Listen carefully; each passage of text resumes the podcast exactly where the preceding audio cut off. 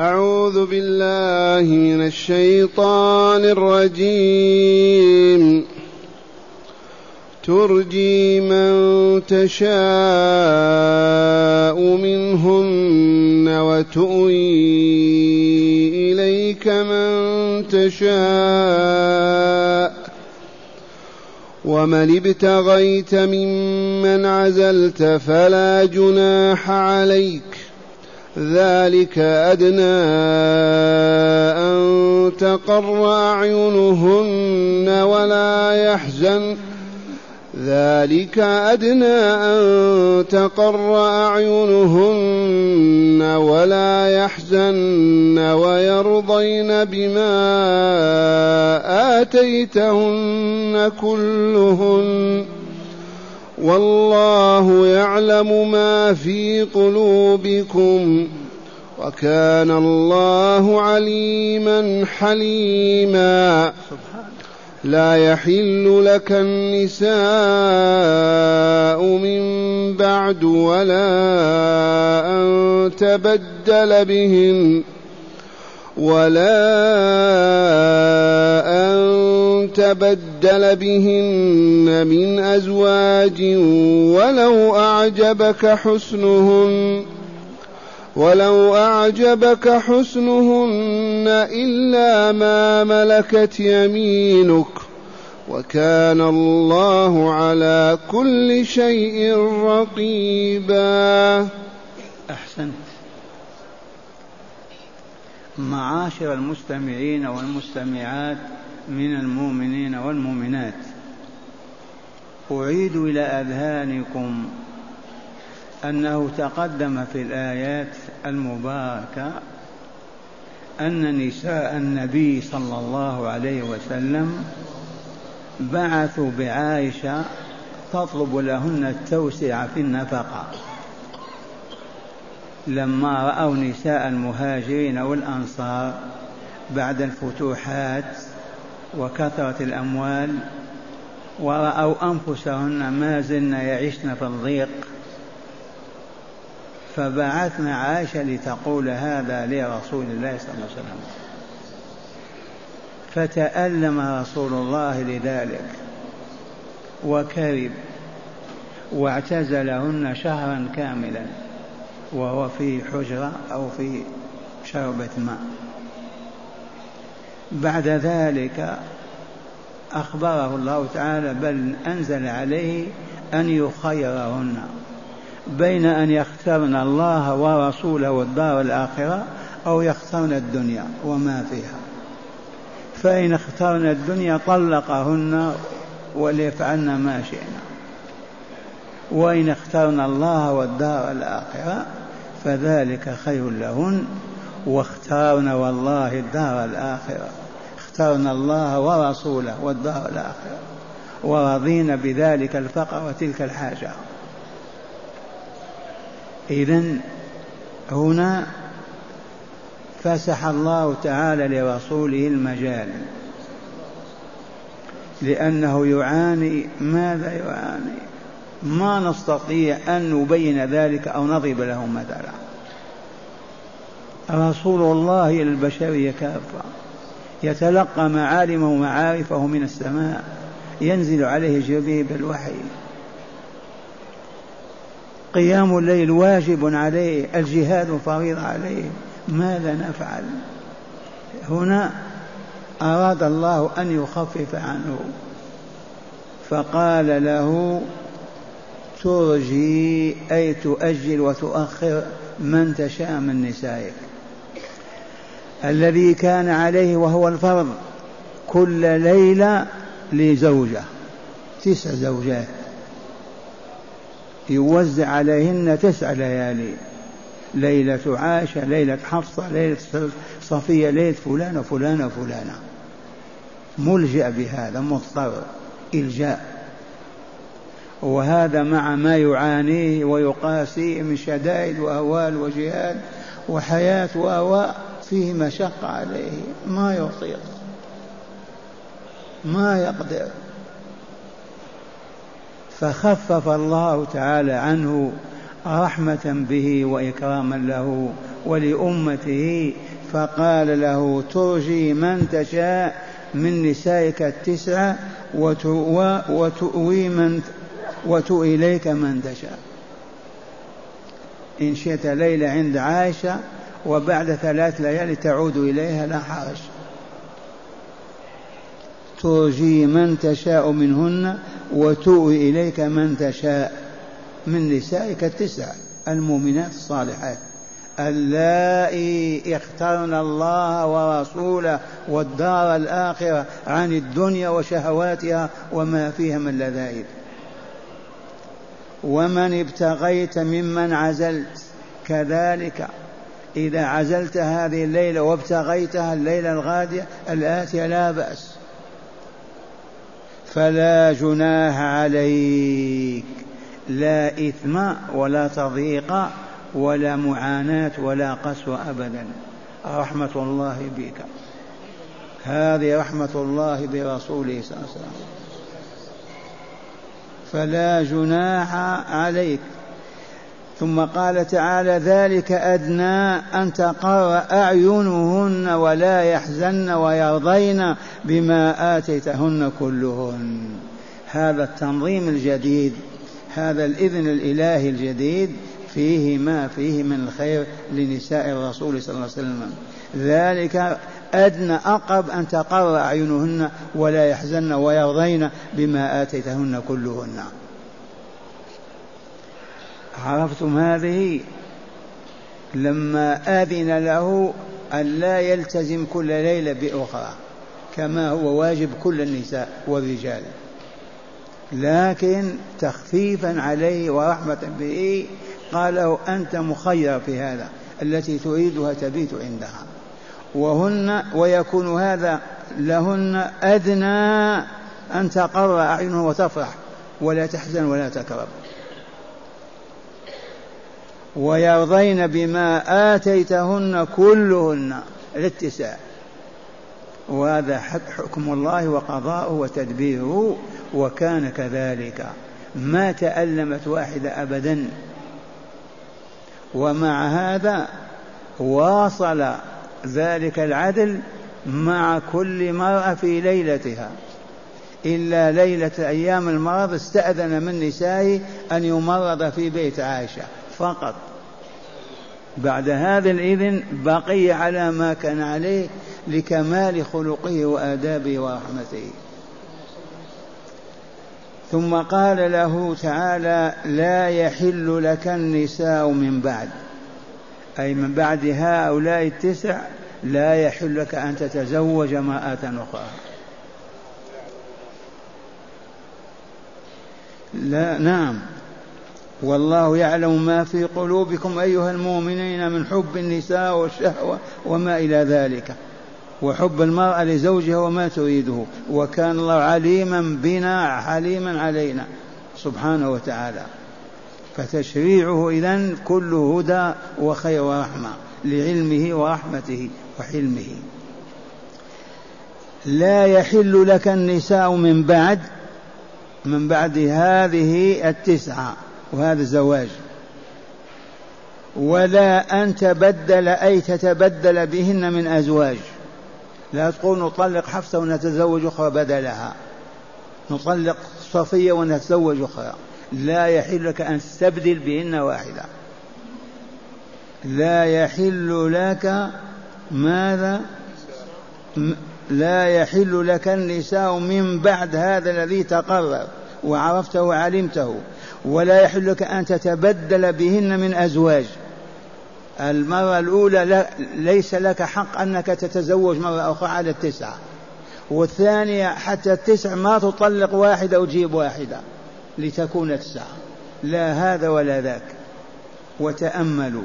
لا يحل لك النساء من بعد الآن ولا أن تتبدل بهن من أزواج ولو أعجبك حسنهن.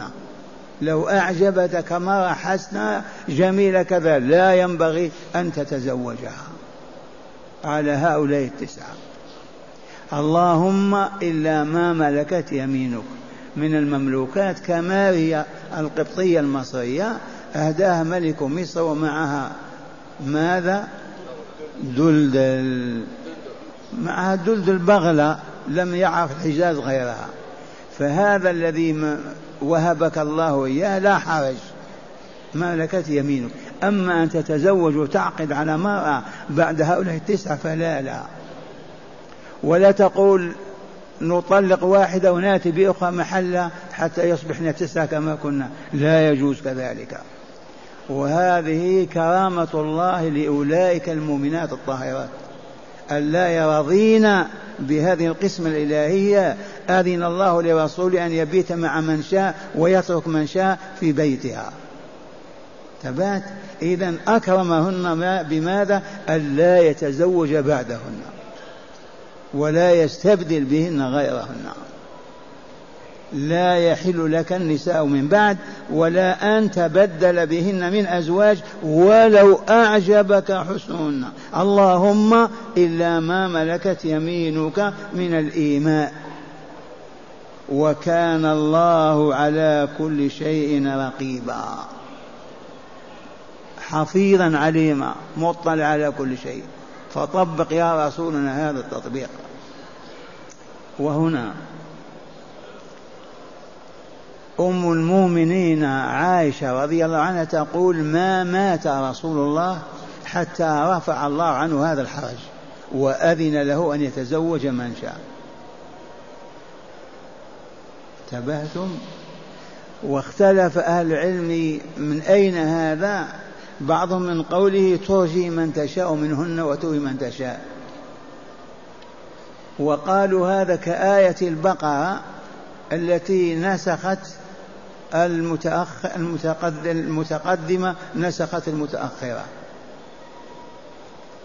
والذي عليه أهل العلم هو أن هذا الخبر أخبر به رسول الله عائشة أوحاه الله إليه. وما تزوج بعد ذلك ولا بدل ولا غير.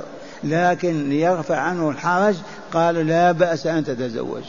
أذنا لك. رحمة به وكرامة له حتى ما يبقى مضيق عليه كسائر المؤمنين. أما المؤمنون كفما كما علمتم لا يحل للمؤمن أن يتزوج أكثر من أربع نسوة. لا يحل لمؤمن أن يتزوج أكثر من أربع نسوة محرم تحريم أبدي. إذا كان الرسول ملزم بتسعة فأنت ملزم بأربعة. والفرق بينك وبين الرسول كما بين السماء والأرض. الرسول عدله ورحمته وطاقته وقدرته لا يعادلها شيء مما عندنا. ومع هذا حصره في التسع. فكيف في الأربعة وهنا أخرى مسألة في هذا الباب. يجوز للرجل الفحل إذا كانت زوجته مريضة أو كبرت سنها وما أصبحت تقضي حاجته فيها له أن يقول لها تسمحين لي أن أتزوج ولك ليلة أو ليلتين. فإن وافقت قالت ما عندي مانع تزوج وأعطيني تلك الليلة أو ليلتين وأسامح في باقي الأسبوع. له ذلك ولها ذلك. وإن قالت لا أستطيع طلقني طلقها. لا تشوشوا. فهمتم هذه المسألة وإلا لا؟ أولا عرفنا أن أزواج رسول التسع منع الله رسوله أن يطلقهن أو يتزوج عليهن. كليس كذلك؟ إكراما لهن. ثم أذن له في أن لا يشدد على نفسه. إن شاء بات عند حفصة أو بات عند فلان أو فلانة تخفيفا عليه. وهن راضيات فرحانات بذلك. المؤمن غير الرسول ما حكمه؟ لا يزيد على الأربع أبدا. تبات؟ وبينا بالأمس لو ماتت الرابعة أو طلقها لا يتزوج الخامسة حتى تنتهي العدة. لا بد من هذا. حتى ما يجمع بين أربعة بين خمس. ثم إذا كان أحدنا له زوجة وكانت مريضة أو كبيرة السن ما لها رغبة في اللذة والشهوة وهو مضطر إلى ذلك ماذا يفعل؟ له أن يخيرها بين أن ترضى بأن تبقى عنده في البيت يأتيها يوم أو يومين في الأسبوع ويتزوج أخرى. تبات وإن لم توافق على هذا وطالبت بالطلاق يطلقها. نعم. هذه مسألة غير تلك. فلا يجوز عليهم أن يصلح بينما صلحا أنا أقول رجل فحل مثلك. عنده مرأة مريضة ما سدت حاجته. عجوز كبيرة ما ترغب في الجماع. ماذا يصنع؟ يخيرها فلانة إن شئت سمحت لي تزوجت. ولك ليلة أو ليلتين في الأسبوع وأنت في بيتك. فإن قالت نعم لا حرج ورضيت بهذا سواء عندها أولاد ولم يكن عندها أولاد تزوج وهي في بيتها. وإن قالت ما أستطيع أن تحرمني منك الأسبوع كذا حينئذ يطلقها. الطلاق هنا متعين لأنه خاف على نفسه أن يقع في المنكر والباطل. فهمتم هذه القضية؟ إليكم شرح الآية من الكتاب. معنى الآيات ما زال السياق الكريم في شأن التيسير على رسول الله صلى الله عليه وسلم والتخفيف فقد تقدم أنه أحل له النساء يتزوج من شاء مما ذكر له وخصه بالواهبة نفسها. يتزوج ما يشاء وخصه بالواهبة نفسها أيضا. يتزوجها بدون مهر ولا ولي. وفي هذه الآية الكريمة نرجي ترجي من تشاء منهن الآية. وسع الله تعالى عليه بأن أذن له في أن يعتزل وطأ من يشاء وأن يرجي من يشاء وأن يؤدي وأن يؤوي إليه ويضم من يشاء وأن يطلب من اعتزالها إن شاء. فلا حرج عليه في كل ذلك. ومع هذا فكان يقسم بين نسائه ويقول اللهم هذا قسمي فيما أملك فلا تلمني فيما تملك ولا أملك. فاهمين هذا ولا لا؟ في الجماع هذا. ومع هذا فكان يقسم بين نسائه ويقول اللهم هذا قسمي فيما أملك فلا تلمني فيما أملك فيما تملك ولا أملك. اللهم إلا ما كان من سودة رضي الله عنها فإنها وهبت ليلتها لعائشة رضي الله عنها تبرعا منها.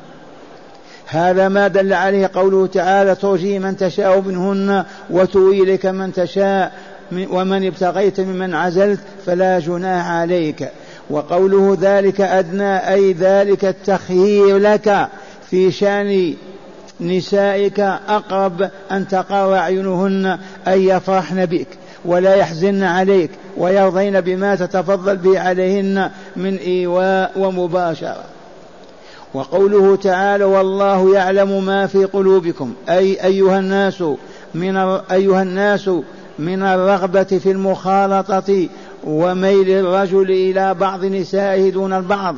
يعلم الله هذا. وإنما خير الله تعالى رسوله هذا التخيير تيسيرا عليه وتخفيفا. كما وتخفيفا لما له من مهام لا يطمع فيها عظماء الرجال ولو كان في القوة والتحمل كالجبل والجمال. لا يطمع في هذه القدرة الرجال ولو كان رجل كالجمل أو الجبل. مستحيل. وقوله تعالى وكان الله عليما أي بخلقه وما وحاجاتهم حليما عليهم لا يعاجل بالعقوبة ويقبل من التوبة ممن تاب. وقوله تعالى في الآية لا يحل لك النساء من بعد أي لا يحل لك أي يا رسولنا النساء بعد هؤلاء التسع اللائي خيرتهن فاخترنا الله واخترناك وأنت رسولنا وأنت رسوله واخترنا الدار الآخرة فاعترافا بمقامهن قصرك الله عليهن بعد الآن. فلا تطلب امرأة أخرى ببدل أو بغير بدل. ومضى ومعنى ببدل أن يطلق منهن واحدة أو أكثر ويتزوج بدلا كما بيناه وهو معنى قوله تعالى ولا أن تبدل بهن من أزواج ولو أعجبك حسنهن وقوله إلا ما ملكت يمينك أي فلا بأس أن تتصرى بالمج... بال... فلا بأس أن تتصرى بالجارية. تملكها. وقد تسرى بماريا القبطية التي أهداها المقوقس ملك مصر مع بغلة بيضاء تسمى الدلدل وهي أول بغلة تدخل الحجاز. وقد أنجبت ماريا إبراهيم ولد رسول الله صلى الله عليه وسلم وتوفي في أيام رضاعه عليها. صلى الله عليه وعلى آله. ألف ألف سلام. والآن مع هداية الآيات. بسم الله الرحمن الرحيم. من هداية هذه الآيات. أولا بيان إكرام الله تعالى لرسوله بالتيسير والتسهيل عليه لكثرة مهامه. بيان إكرام الله تعالى لرسوله وتيسيره عليه لعظام مهامه التي ينهض بها ويقوم بها ليل نهارا. فخفف الله عنه وأذن له أن يدخل على مرأة من شاء من نسائه ويعتزل من شاء من نسائه. نعم. ثانيا ما خير الله فيه الرسول لا يصح لأحد من المسلمين.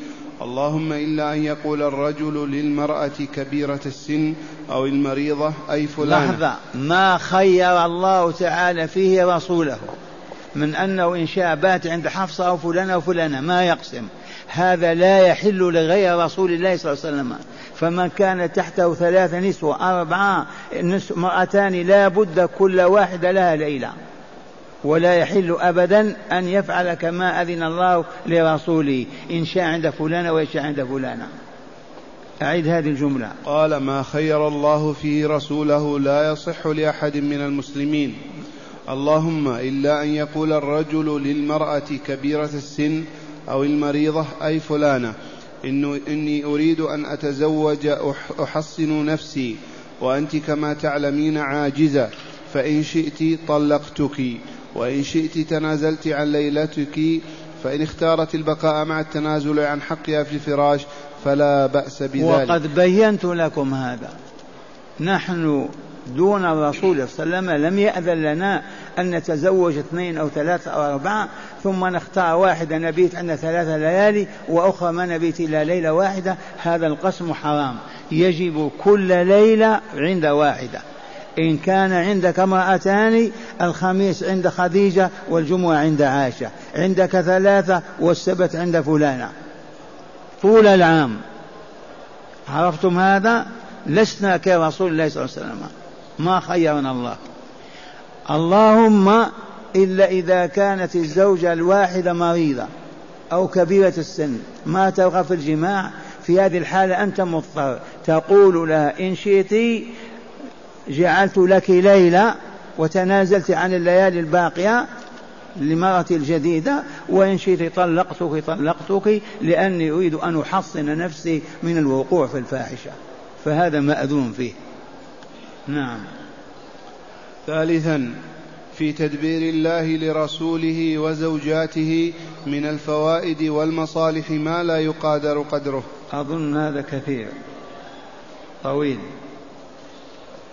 تقرأ عليهم؟ نعم. طيب اقرأ. آه، رابعا تقرير مبدأ ما ترك أحد شيئا لله إلا عوضه الله خيرا هذه. قاعدة ما تكررت. اسمعوا عباد الله. ما ترك عبد أو أما إنسان ذكر أنثى. ما ترك لله شيء أي من أجل الله شيء إلا عوضه الله خيرا منه. والله العظيم. وجرب وترى. ما ترك عبد لله شيئا من أجله إلا عوضه خيرا منه. نعم. وهناك تنبيه عام. إذن الله تعالى لرسوله صلى الله عليه وسلم بالزواج بأكثر من أربع كان لحكم عالية. وكيف والمشرع هو الله العليم الحكيم؟ ومن تلك الحكم العالية ما يلي. أولا اقتضاء التشريع الخاص بالنساء ومنه ما لا يطلع عليه إلا الزوجان. تعدد الزوجات ليروين الأحكام الخاصة بالنساء ولصحة الرواية وقبولها في الأمة تعدد الطرق تعدد الطرق وكثرة الرواة والروايات. هذا من باب الحكم في تعدد الزوجات. نعم.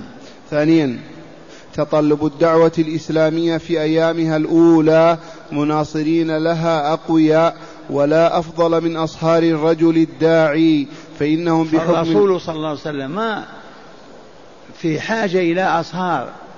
إلى أقرباء إلى من يقف إلى جنبه. فلما أذن الله في أن يتزوج التسع معناها كل واحدة لها أقرباء ولها أولياء ولها كلهم أصبحوا أنصار رسول الله صلى الله عليه وسلم. هذه من الحكمة. كذلك الرسول صلى الله عليه وسلم في حاجة إلى ماذا؟ إلى أن يكون له أمة. فيتزوج التسع حتى يصبح له جيش كامل من أنصاره. قال فإنهم بحكم العرف يقفون إلى جنب صهرهم نعم. محقا أو مبطلا كان. ثالثا أن المؤمنين لا أحب إليهم من مصاهرة نبي الله. وهذا صحيحة أي مؤمن ما يحب أن يكون صهرا لرسول وسلم؟ والله لو كنا وأزواجنا أولادنا خدم لرسول الله كان خيرا لنا. نعم. قال وذلك ليظهر فلو أن الله ما حدد رسول التسعة كان كل واحد يقول له يا هذه بنتي وهذه أختي تزوجها. نعم. قال ذلك ليظهروا بالدخول عليه في بيته والخلوة به وما أعزها. فأي المؤمنين من لا يرغب أن تكون أمه أو أخته أو بنته أما لكل المؤمنين. إني والله لا أحب إلي من أن أكون أنا وزوجتي وسائر أولادي خدما في بيت رسول الله صلى الله عليه وسلم. فلذا وسع الله على رسوله ليتسع على الأقل الأرامل والأرامل وربات الشرف حتى لا يدنسن شرفهن. الله رابعا قد يحتاج رسول الله صلى الله عليه وسلم إلى مكافأة بعض من أحسن إليه ولم يجد ما يكافئه به ويراه راغبا في مصاهرته فيجيبه لذلك. ومن هذا زواجه بكل من عائشة بنت الصديق. ما زوج عائشة إلا إكراما لأبي بكر. أراد أن يرد له بعض الخير. ما تزوج حفصة من عمر إلا بعد أن أراد أن يكرم عمر ويرد عليه خيره. نعم. وأخيرا قد زوجه ربه بزينب وهو كاره لذلك يتهرب منه خشية خشية قالت الناس وما كانوا يعدونه وما كانوا يعد يعدونه منكرا. وهو التزوج بامرأة الدعي المتبنى بعد طلاقها أو موت زوجها. هذه بعض الحكم التي اقتضت الإذن الإذن لرسول الله صلى الله عليه وسلم بالتزوج أكثر من أربع مع عامل آخر مهم وهو قدرة رسول الله صلى الله عليه وسلم على العدل والكفاية الأمر الذي لن يكون لغيره أبدا. لم يكن القدرة على الجماع لرجل سوى رسول الله كما للرسول صلى الله عليه وسلم. لا أحد له تلك القدرة ولا يقوى عليها. فلهذا آذن له في أن يتزوج تسعة وما شاء.